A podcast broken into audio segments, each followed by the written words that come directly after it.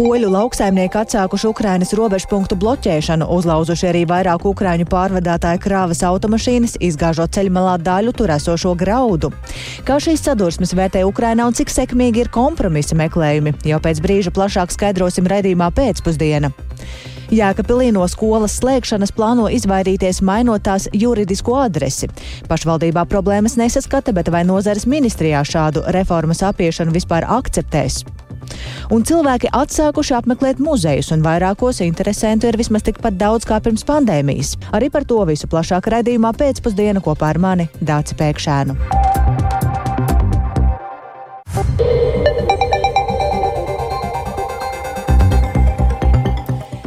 16,5 minūtes skanējumu sāk ziņu dienesta veidotājs raidījums pēcpusdiena ar plašāku izklāstu par šajā pirmdienā, 12. februārī būtisko. Studijā Dāca Pēkšēna, esiet sveicināti! Cīņā par skolas saglabāšanu Jēkabpils novada pašvaldība ir ķērusies pie jaunām radošām metodēm. Domnieki rosina Kruspils pamatskolai mainīt juridisko adresi no pilsētas uz laukiem, lai tā varētu turpināt saņemt valsts finansējumu ar esošo skolēnu skaitu. Faktiski skola atrodas gan Kruspilī, gan Variešos. Izglītības un zinātnes ministrijā skaidro, ka tik vienkārši izvairīties no skolu tīkla reorganizācijas viss neizdošoties, un vairāk par to Paulas Dēvics ierakstā. Krustpils pamatskolā mācās aptuveni 270 bērnu. Pagājušajā gadā tai pievienoja arī variešu sākuma skolu, un faktiski izglītības process notiek divās ēkās. Krustpilī izglītību gūst 224 bērni, bet variešos 50. Tātad, ja ieviesīs jauno skolotāju algu finansēšanas modeli, uz šo skolu būs attiecināmi pilsētu skolu kvantitatīvie kritēriji. Proti, skolā pirmajās deviņās klasēs būs jābūt 360 60 skolēniem, lai saņemtu valsts finansējumu. Jēkabpils domas koalīcija nolēmusi šo jautājumu risināt, mainot skolas juridisko adresi uz variešiem. Tad valsts finansējumam vajadzīgi 105 skolēni attiecīgajā klašu grupā, turpina pašvaldības priekšsēdētāja vietnieks Alfons Žuks no apvienības iedzīvotāji. Tā nav likuma apiešana, jo es jau kā minēju, izglītības realizācijas vieta ir variešos. Līdz ar to mēs pārceļam uz variešu. Mēs tagad neizdomājam jaunu juridisko adresi kaut kādu, bet mēs, mēs uz realizācijas vietu viņu pārceļam. Valstī jādomā savādāk, kā risināt skolu pedagoģu algas, nevis uz pedagoģu algu rēķina paaugstināšanas, vajag iznīcināt lauku skolas un vispārīgi visu. Ja valsts finansējums tiktu atņemts, pašvaldībai skolas uzturēšanai būtu jāatvēl 260 tūkstoši eiro gadā, un tā to nevarot atļauties, skaidro domē. Gala lēmums gan deputātiem būs jāpieņem vēl šo ceturtdienu, taču koalīcija par šo jau vienojusies. Pret šādu lēmumu iebilda opozīcijā, turpina deputāts Aivars Kraps no Latvijas pirmajā vietā. Tas ir precedents slikts parāda arī zināmā mērā to, kā šo likumu var mēģināt apgūt apiet. Es jau domas finanšu komitejās sēdē teicu, ka tad mēs principā jebkuru mazo skolu pievienojot pie pilsētas un mainot pēc tam juridisku adresi, mēs varam jebkuru skolu formāli, es atkārtoju vārdu formāli, uz lapas uzlikt, ka viņi atbilst visiem kritērijiem. Nu, principā ļoti vienkārša matemātika. Šādu lēmumu mēs principā piemānām valsti uz 200 tūkstošiem. Latvijas pašvaldību savienībā Latvijas radio skaidro, ka vietvaras šobrīd cīnās par mazo skolu likteni ar visiem iespējamiem līdzekļiem. Savienībā Jēkabpils domas lēmumu nenosoda. Taču citāds viedoklis ir izglītības un zinātnes ministrijā, kur šobrīd top normatīvais regulējums algu finansēšanas modeļa maiņai. Izglītības ministrs padomniece Ramona Urtāne skaidro, ka skumdina pašvaldības nevēlēšanās strādāt pie efektīva skolu tīkla izveidas. Turklāt līdzīgas idejas esot arī citās pašvaldībās. Jo iespējams šī skolai arī ir jāpaliek, viņai ir jābūt, un jautājums, kā mēs viņu stiprinam, vai juridiskās adreses maiņa ir tiešām ilgspējīgākais lēmums, ko var pieņemt. Mēs nebalstīsimies uz juridiskajām adresēm, bet gan to faktisko izglītības programmas īstenošanas vietu, kurā arī notiek mācību process. Jo ir pašvaldības, kurās juridiskā adrese skolām ir, ir, ir domas adrese. Skaidrs, ka mācību process tur nenotiek. Mēs skatīsimies pēc, pēc faktiskajām adresēm. Tātad Jēkabpils domas plāns noteikumu apiešanai nestrādās, tā uzsver ministrijā. Vienlaikus Urtāne skaidro, ka kvantitatīvais kritērijs ir tikai viens no rādītājiem, kas šobrīd jāņem vērā pašvaldībās. Vietvarām jāiegulda būtisks darbs tīkla sakārtošanā, un ja tās var pamatot, ka konkrēta izglītības iestāde pašvaldībai ir vitāli svarīga, tad tā turpinās saņemt valsts finansējumu, neskatoties uz skolēnu skaitu, arī tad, kad jaunie nosacījumi būs stājušies spēkā. Paula Dēvica, Latvijas radio.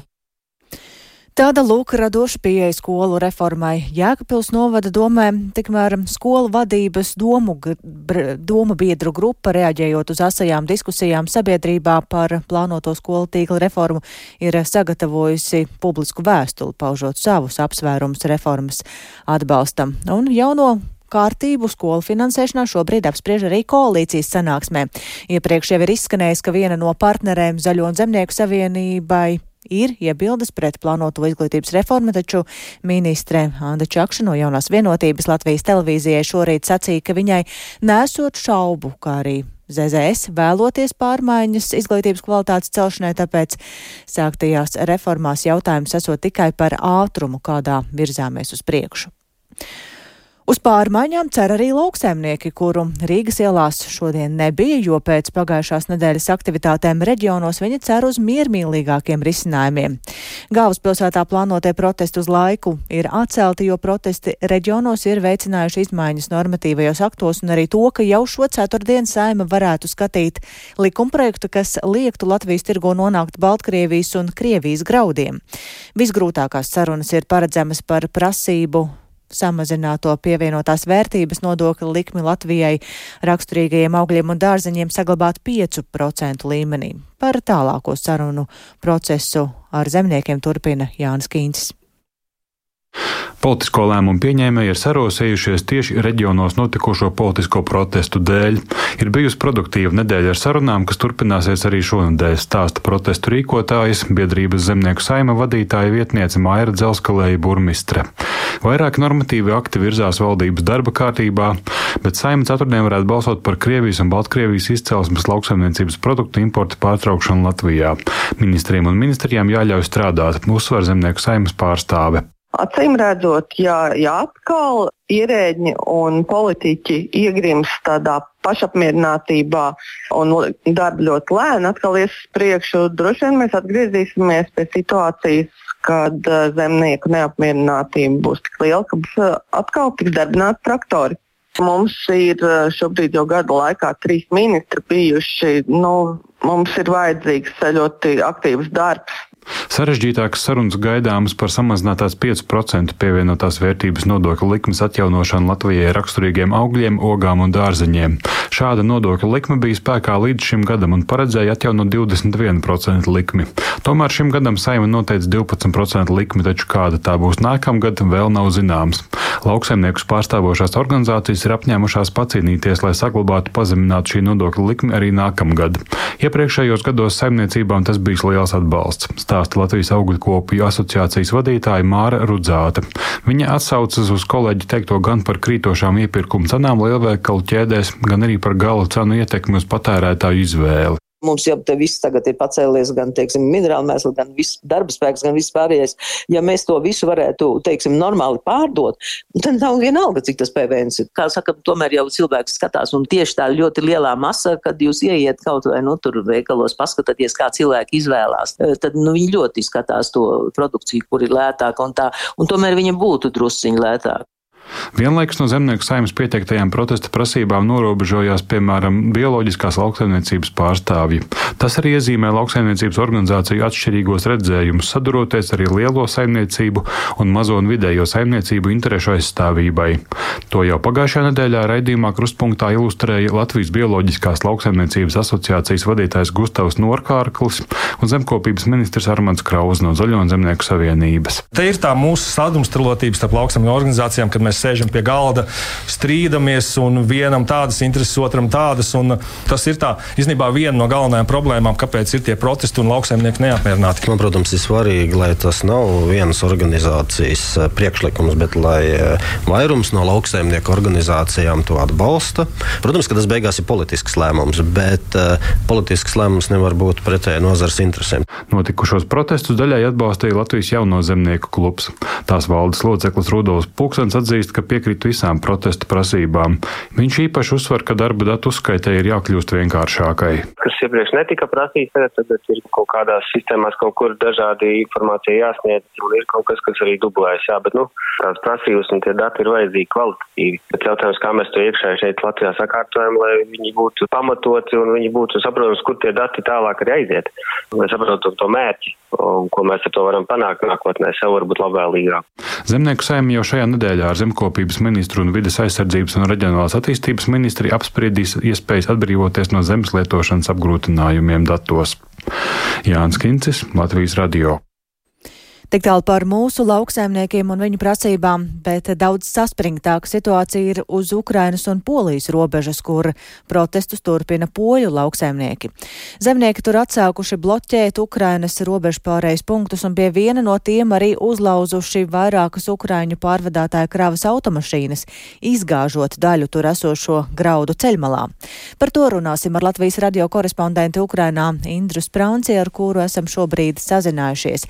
Sveika! Indra, kas tev ir zināms eh, vairāk par nu jau kārtējo robežas blokādi? Sveiciens, jā, piekdien polijas lauksaimnieki sākuši jaunu protestu akciju pie Ukrainas-Polijas robežas, bloķējot ceļus un piekļuvu robežas šķērsošanas punktiem, un tā ir jau kārtējā šāda veida akcija.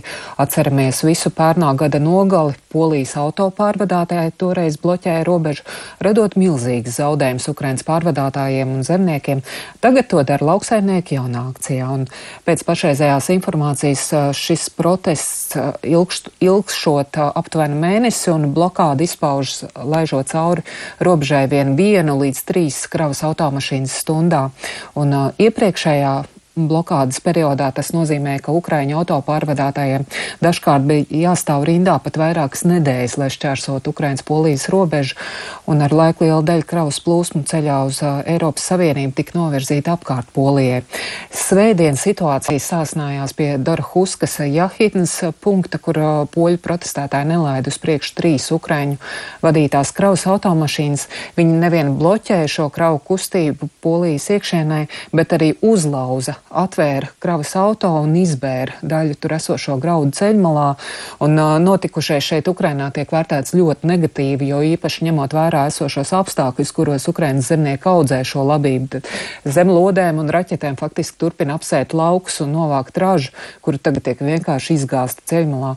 Un uh, Ukraiņi sagaida aktīvu poļu tiesību sargu rīcību uz notikušo un cer, ka situācija uz robežas drīzumā tiks noregulēta.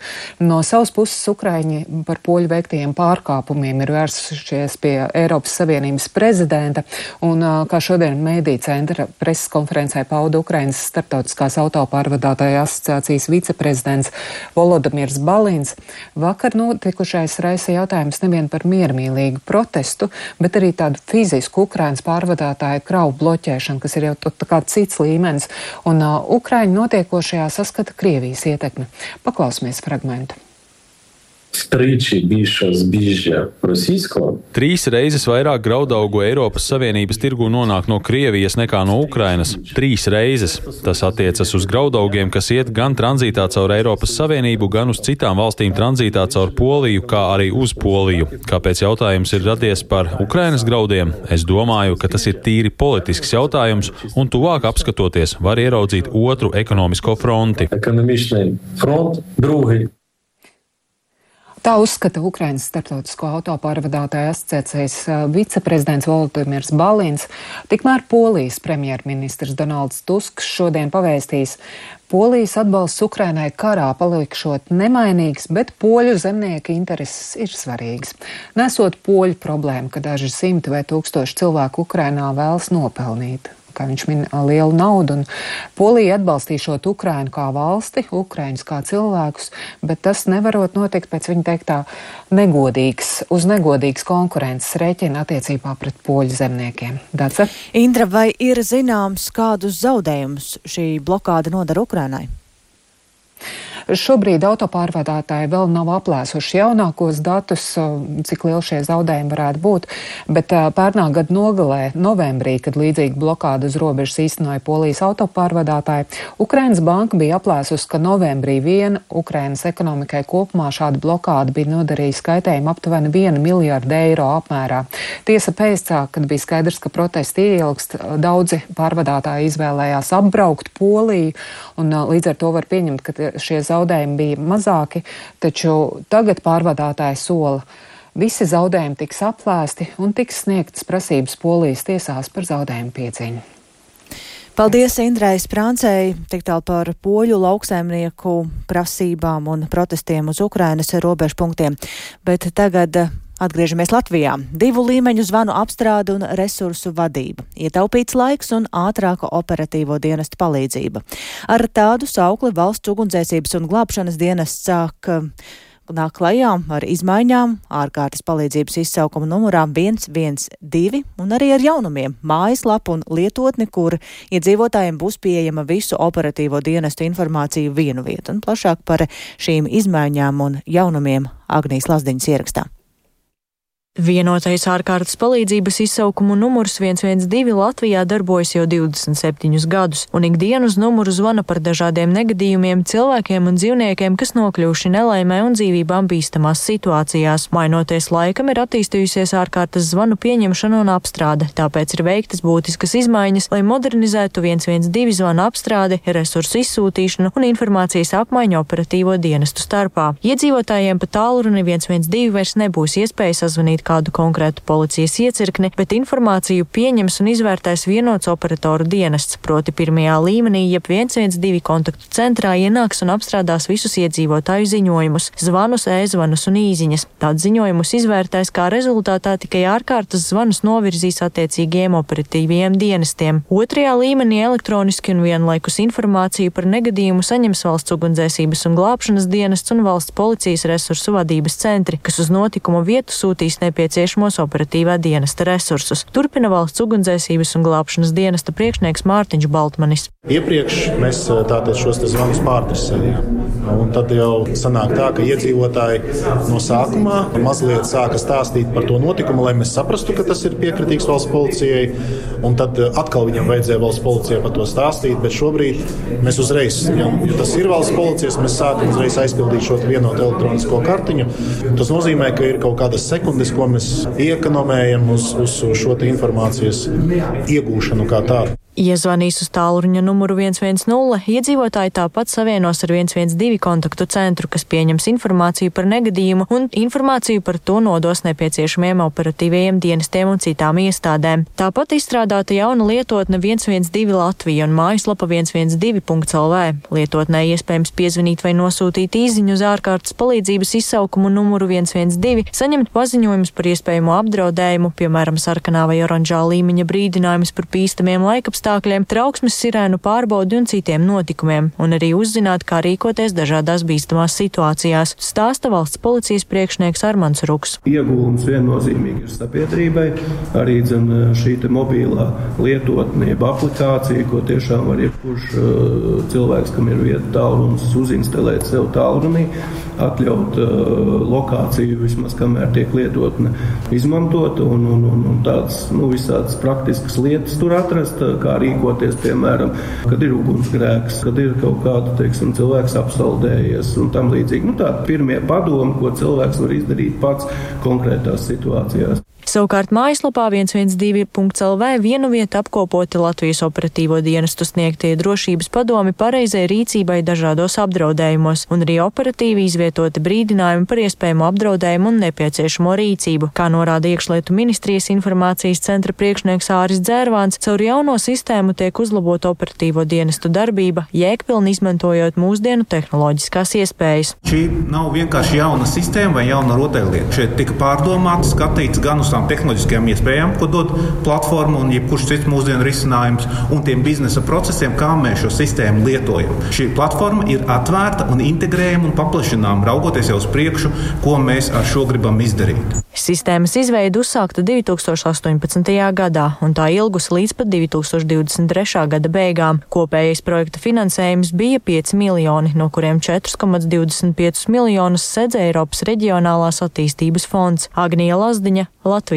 radio kas veicinājis to, ka interese par Latvijas muzejiem atgriezusies pirms pandēmijas līmenī un vai to neietekmēs plānotais cenu pieaugums. Un kā basketbolistam Dāvim Bertānam klājas NBA pēc komandas maiņas, tie būs daži no tematiem raidījuma pēcpusdienu turpinājumā.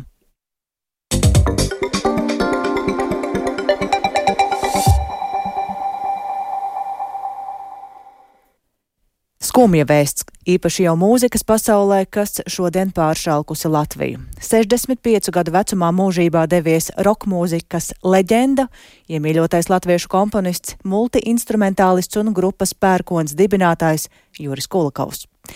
Viņa ieguldījums latviešu mūzikā ir ļoti plašs un daudzveidīgs. Viņš bija brīvdomātājs, dziļa un neordināra personība. Mūzika caur viņu skanēja kā dieva radīta dāvana cilvēkiem. Tā par Jūra Kulakova daļradi saka dziedātāja Jūra Kulakova līdzgaitniece mūzikā Ieva Akuratere un plašāk Baibas Kušķis ierakstā.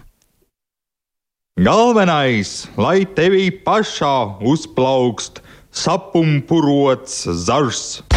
Viena alga, kas tev priekšā, draugu pulks vai zvēru bars.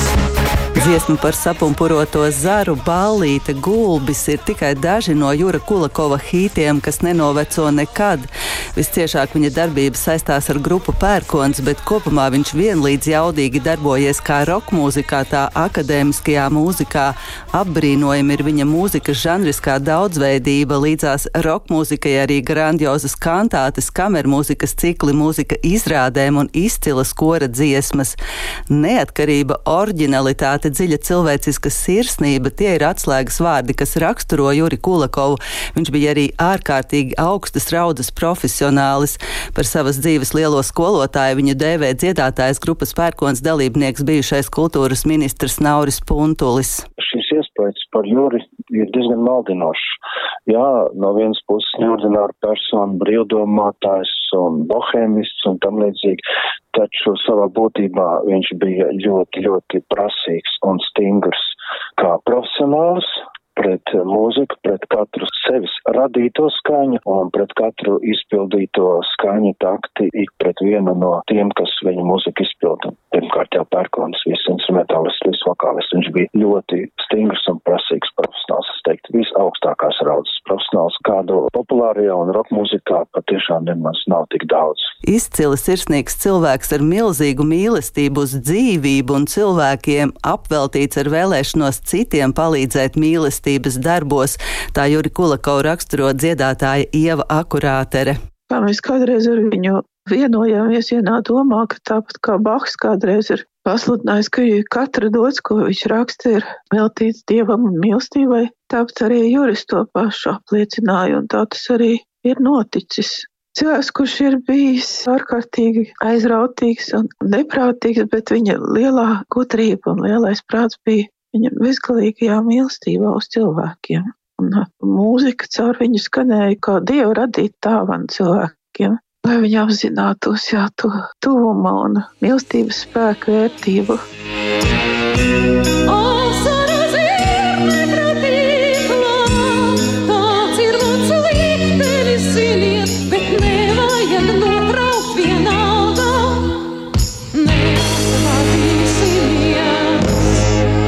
Juris Kulakovs mūžības ceļā devās pēkšņi pēc viņa dzīves biedras teiktā, viņš mūžībā esot aizgājis ar notīm rokās. Baiba Kušķe, Latvijas radio.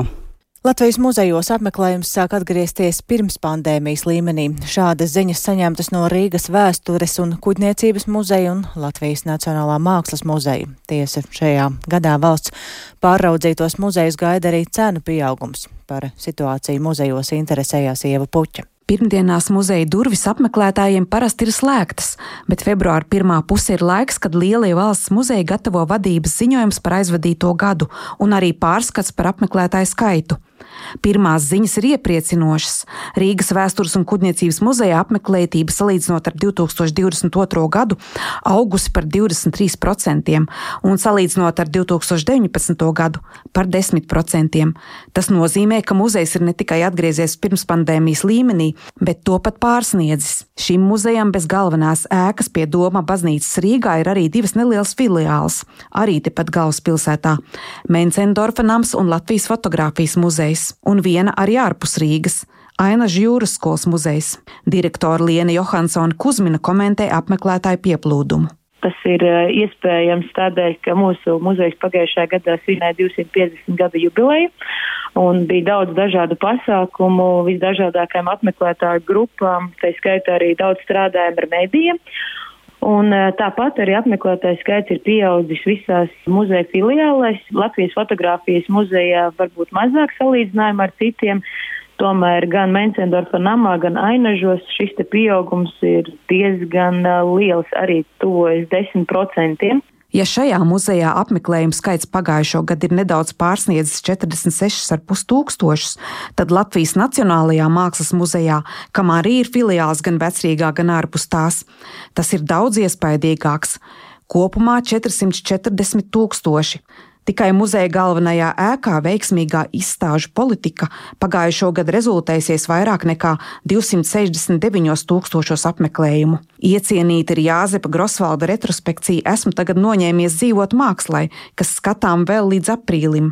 Citās muzeja filiālēs uzplaukums nesot tik pamanāms, un arī citos Latvijas muzejos skaidri kāp lēnāk, secina Māra Lāce tomēr priecājas par paveikto. Galvenajā ēkā apmeklējums ir nostabilizējies un šobrīd izskatās optimāls. Man tā šķiet, ka šobrīd uz kaut kādu brīdi mēs esam pavisam noteikti sasnieguši savu jau vienu no tādiem atkal augstākajiem punktiem, kas pie mums Latvijā vispār ir iespējams. Jo mums vispār ir jārēķinās, protams, ar mūsu cilvēku skaitu un ar e, turistu skaitu, ja, un kā mēs zinām, turisms gan Latvijā nav atdzīvojies vēl. Māras Lācis teiktajam pievienojas arī Turaidas muzeja rezervāta komunikācijas vadītāja Gunta Zaķīte. Šeit pagājušo gadu fiksēti 140 tūkstoši apmeklējumu, kas ir mazāk nekā Rundāls pilī un mazāk nekā gribētos. Tomēr arī Turaidā tendence ir augšupejoša. Salīdzinājumā ar iepriekšējo gadu ne, mums ir par 17% pieaudzis tas uh, skaits par gandrīz nepilniem 20 tūkstošiem, kas tiešām arī ir labi. Nesot atgriežušās lielās turistu grupas, protams, vairs neredz ceļotājs no Krievijas un Baltkrievijas.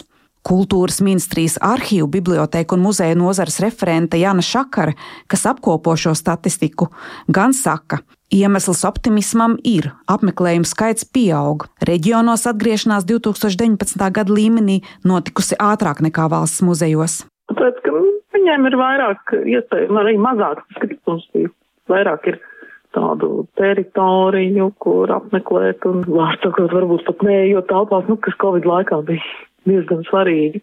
Nu, tā kā, piemēram, Sēsu pils vai ne, var ieiet apskatīties arī to pils kompleksu. Bet, piemēram, emigrācijas muzeja latviešiem pasaulē direktors Uldis Dimiševskis uzskata, pandēmija daļai muzeja pat savā ziņā ir nākusi par labu, jo apmeklētāju piesaistē tiek izmantoti arvien inovatīvāki risinājumi. Pasākumu saturs ir pieejams reizēm tiešraidēs, un tad šī ieraksta arī pēc tam ir pieejama pēc tam.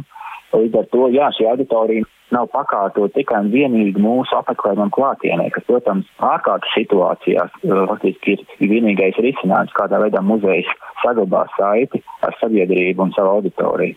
Diemžēl, pieaugot dažādām izmaksām, valsts muzejos šogad gaidāms cenu kāpums, bet to centīšoties neveikt strauji, atbilstoši cilvēku maksātspējai. Ieva Puķa, Latvijas radio. Tik tālu pašu muzeju sacītais, bet mēs arī Rīgas ielās sastaptajiem cilvēkiem pajautājām, cik bieži viņi apmeklē muzejus un lūk viņu sacītais. Nē, es apmeklēju muzeju tikai ar savus klases biedriem, kad mums ir kāda skolas pasakumi, jo man tagad ļoti daudz kontrolu darbus, un arī man parasti nav laika, lai to izdarītu. Bet es domāju, ja man būtu vairāk laika, piemēram, kā vasarā, es eh, ar lielu prieku apmeklētu kādu muzeju. Un, ja jāslīdzina, piemēram, pirms pandēmijas un tagad? Tas varbūt tagad nedaudz biežāk ir.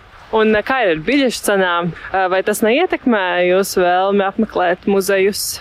Nu, apmeklēju. Pandēmijas laiks ietekmē, bet šobrīd nē, vairs nē. Kā ir ar cenām? Vai tās ir pieņemamas? Nē, nav pieņemamas. Jā, dažas reizes. Esmu šeit apmeklējis mākslas muzeju un muzeju vecrīgā. Uz muzejiem eju reizi divos mēnešos. Vācijā par muzeju apmeklējumu ir jāmaksā, taču šeit daudz vietu studentiem ir bezmaksas apmeklējums.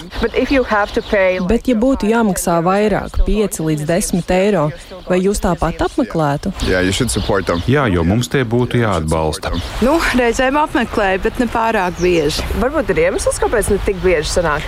Nu, vienkārši nevar teikt, ka laika trūkums tas vienkārši ir jā, jāizlemj un jādara. Tā kā pandēmija šai lietā man neko nav pamaisījusi. Un kā ir ar cenām? Ah, arī dzen, nē.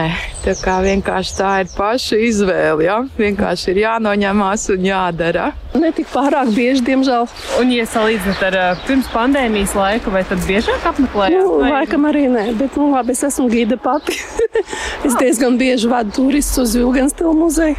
Bija vairāk apmeklētāju pirms tam vai tagad? Nu, tā, pirms tam, protams. Nu, vidēji.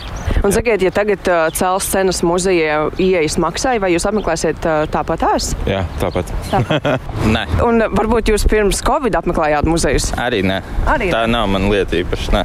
Bet kā jums šķiet, ja tagad pacels cenas muzejiem, muzeja ieejas maksas, vai būs vairāk apmeklētāju? Es domāju, tas cēlums neietekmēs ļoti. Tālūk Rīgas ielās sastaptie iedzīvotāji par muzejiem, bet gan par muzeja apmeklējumu, gan arī daudziem citiem pakalpojumiem un precēm varam norēķināties ar bezkontakta maksājumiem. Svetbanka apkopotā informācija liecina, ka šādu norēķinu skaits ir audzis vairāk nekā par 60% un arvien biežāk par precēm un pakalpojumiem maksājam nopīkstinot karti, telefonu vai arī vietpulksteni. Un tā šorīt kolēģiem Elīnai Balskarai un Kristapam Feldmanim raidījumā Labrīt sacīja Svetbanka naudas pārvaldības daļas vadītājs Valdis Vaišļa un tagad turpina par jaunāko no iespējām šajām jomām. Salīdzinoši nesen arī QR koda tipa apmaksas veidi ir parādījušies atsevišķos veikalos, vai, piemēram, apmaksājot sporta laukumu izmantošanu vai veicot ziedojumu kādā konkrētā vietā. Šim maksājuma veidam vēl gan ir uh, savas iespējas attīstīties, un uh, es esmu pārliecināts, ka tieši šo apmaksas iespēju pamanīsim arvien biežāk, jo jaunas maksājuma tendences pie mums atnāk no dažādām pasaules geogrāfijām, kur, piemēram, Āzijā QR koda apmaksa ir pats populārākais norēķina veids gan veikalos, gan pie pakalpojumu sniedzējiem vai pat nelielos tirdziņos. Bet vai pieaugot to pircēju skaitam, kuri izvēlas norēķināties, izmantojot bezkontakta norēķinu, vienlīdz strauji pieaug arī to uzņēmumu skaits, kuri piedāvā šādas iespējas?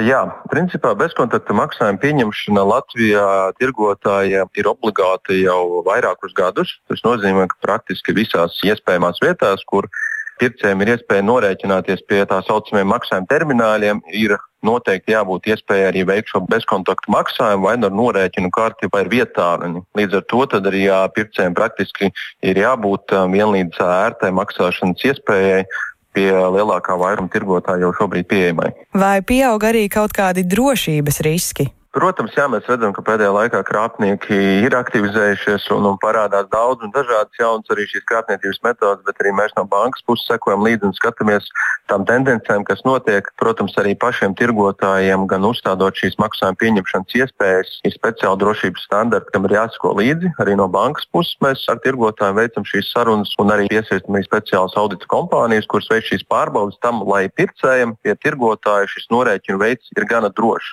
Protams, ir jāuzmanās no dažādām citām krāpniecības metodēm, kur, kā mēs zinām, tiek sūtītas dažādas saites vai īsiņas, kur nepārbaudot, tiek vaicāts ievadīt bankas pieejas datus, bet uh, praktiski pie tirgotājiem veicošos maksājumus, kas ir šie bezkontaktu maksājumi, tie ir droši.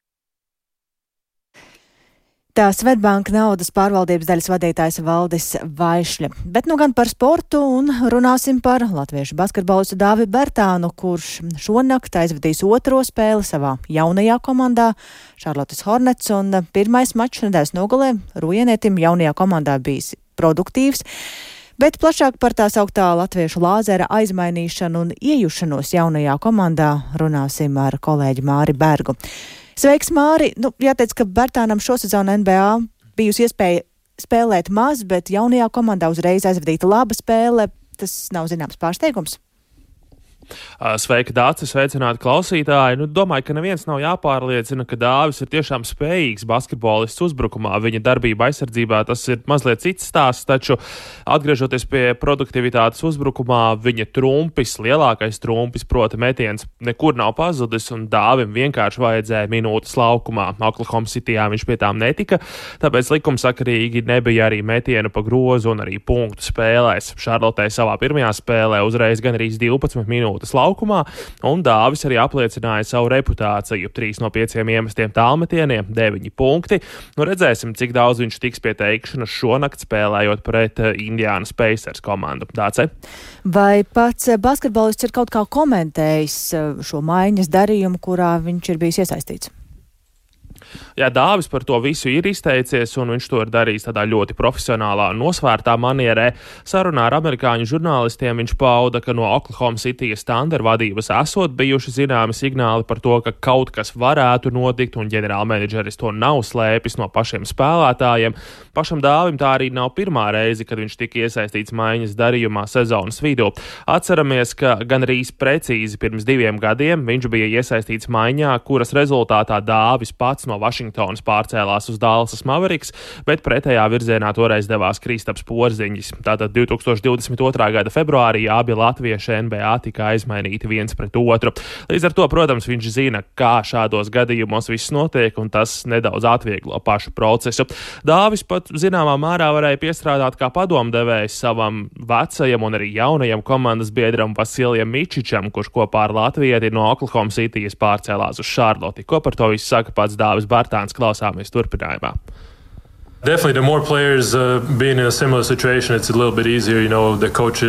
Jo vairāk spēlētāju šādā līdzīgā situācijā, jo vienkāršāk tas viss ir.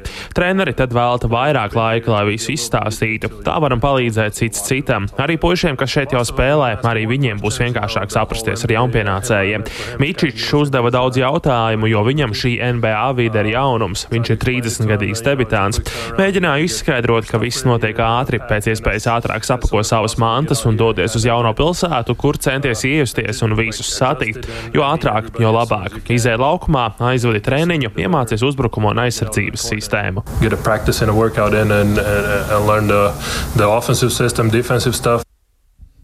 Tālāk Dāvis Bārtāns ieskicēja maiņas aizkulises sarunā ar amerikāņu žurnālistiem. Dace?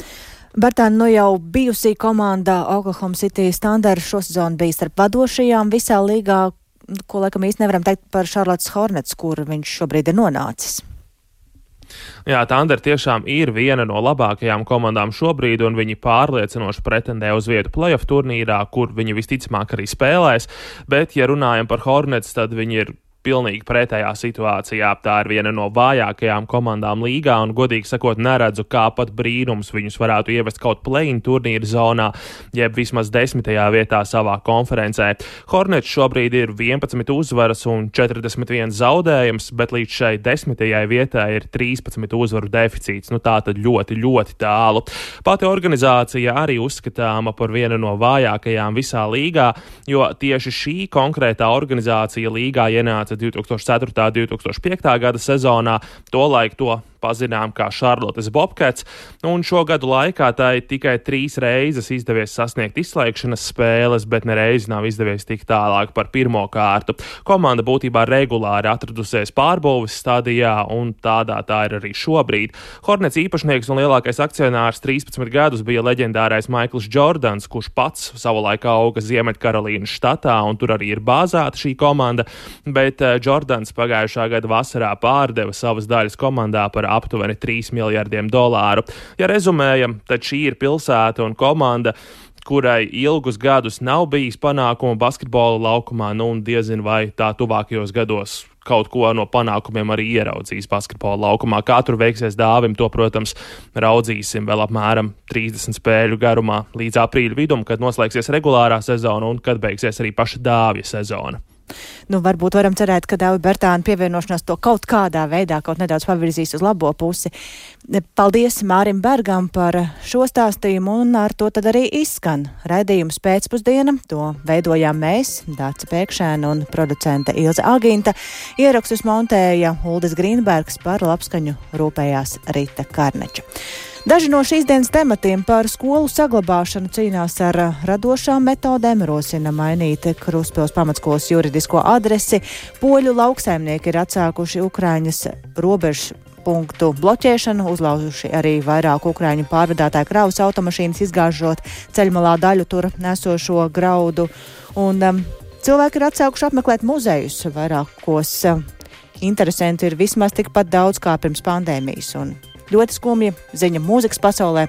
Mūžībā devies pērkons dibinātājs komp komponists Juris Kulakovs. Radījums pēcpusdienā arī sev vērtā laikā Latvijas radio mobilajā lietotnē. Ir jāsameklē dienas ziņas, bet šobrīd saku paldies par klausīšanos un uztikšanos atkal rīt raidījumā pusdienu.